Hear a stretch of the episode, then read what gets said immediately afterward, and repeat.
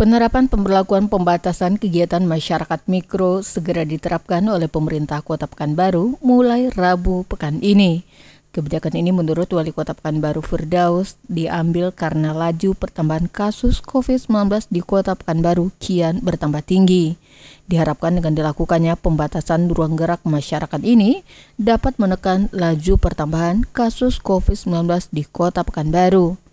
Wali kota juga menjelaskan jika kebijakan PPKM Mikro di Kota Pekanbaru sudah sesuai dengan instruksi Mendagri. Ruang lingkup penerapannya ada di tingkat RW.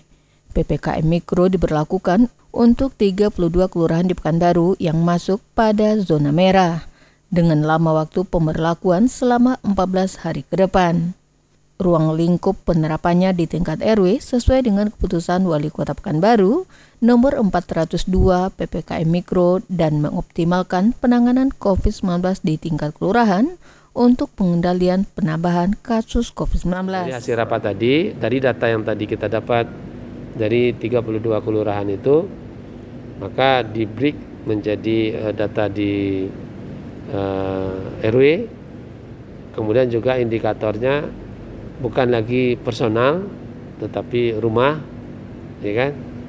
Nah kita harapkan selesai uh, karena tadi beberapa kecamatan sudah ada yang paham dan mereka sudah punya data tadi tapi ada sebagian yang masih belum. Ini hasilnya nanti yang kita ini.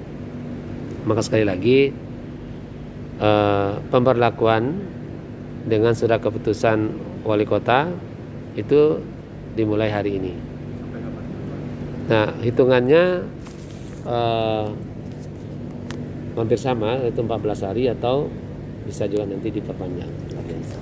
Tapi ini lebih lanjut untuk pengawasan terhadap pelaksanaan PPKM dikatakan wali kota langsung dikomandoi oleh Satpol PP Pekanbaru bekerja sama dengan pihak kepolisian dan juga TNI. Desi Suryani, Tim Liputan Barabas, Maporken.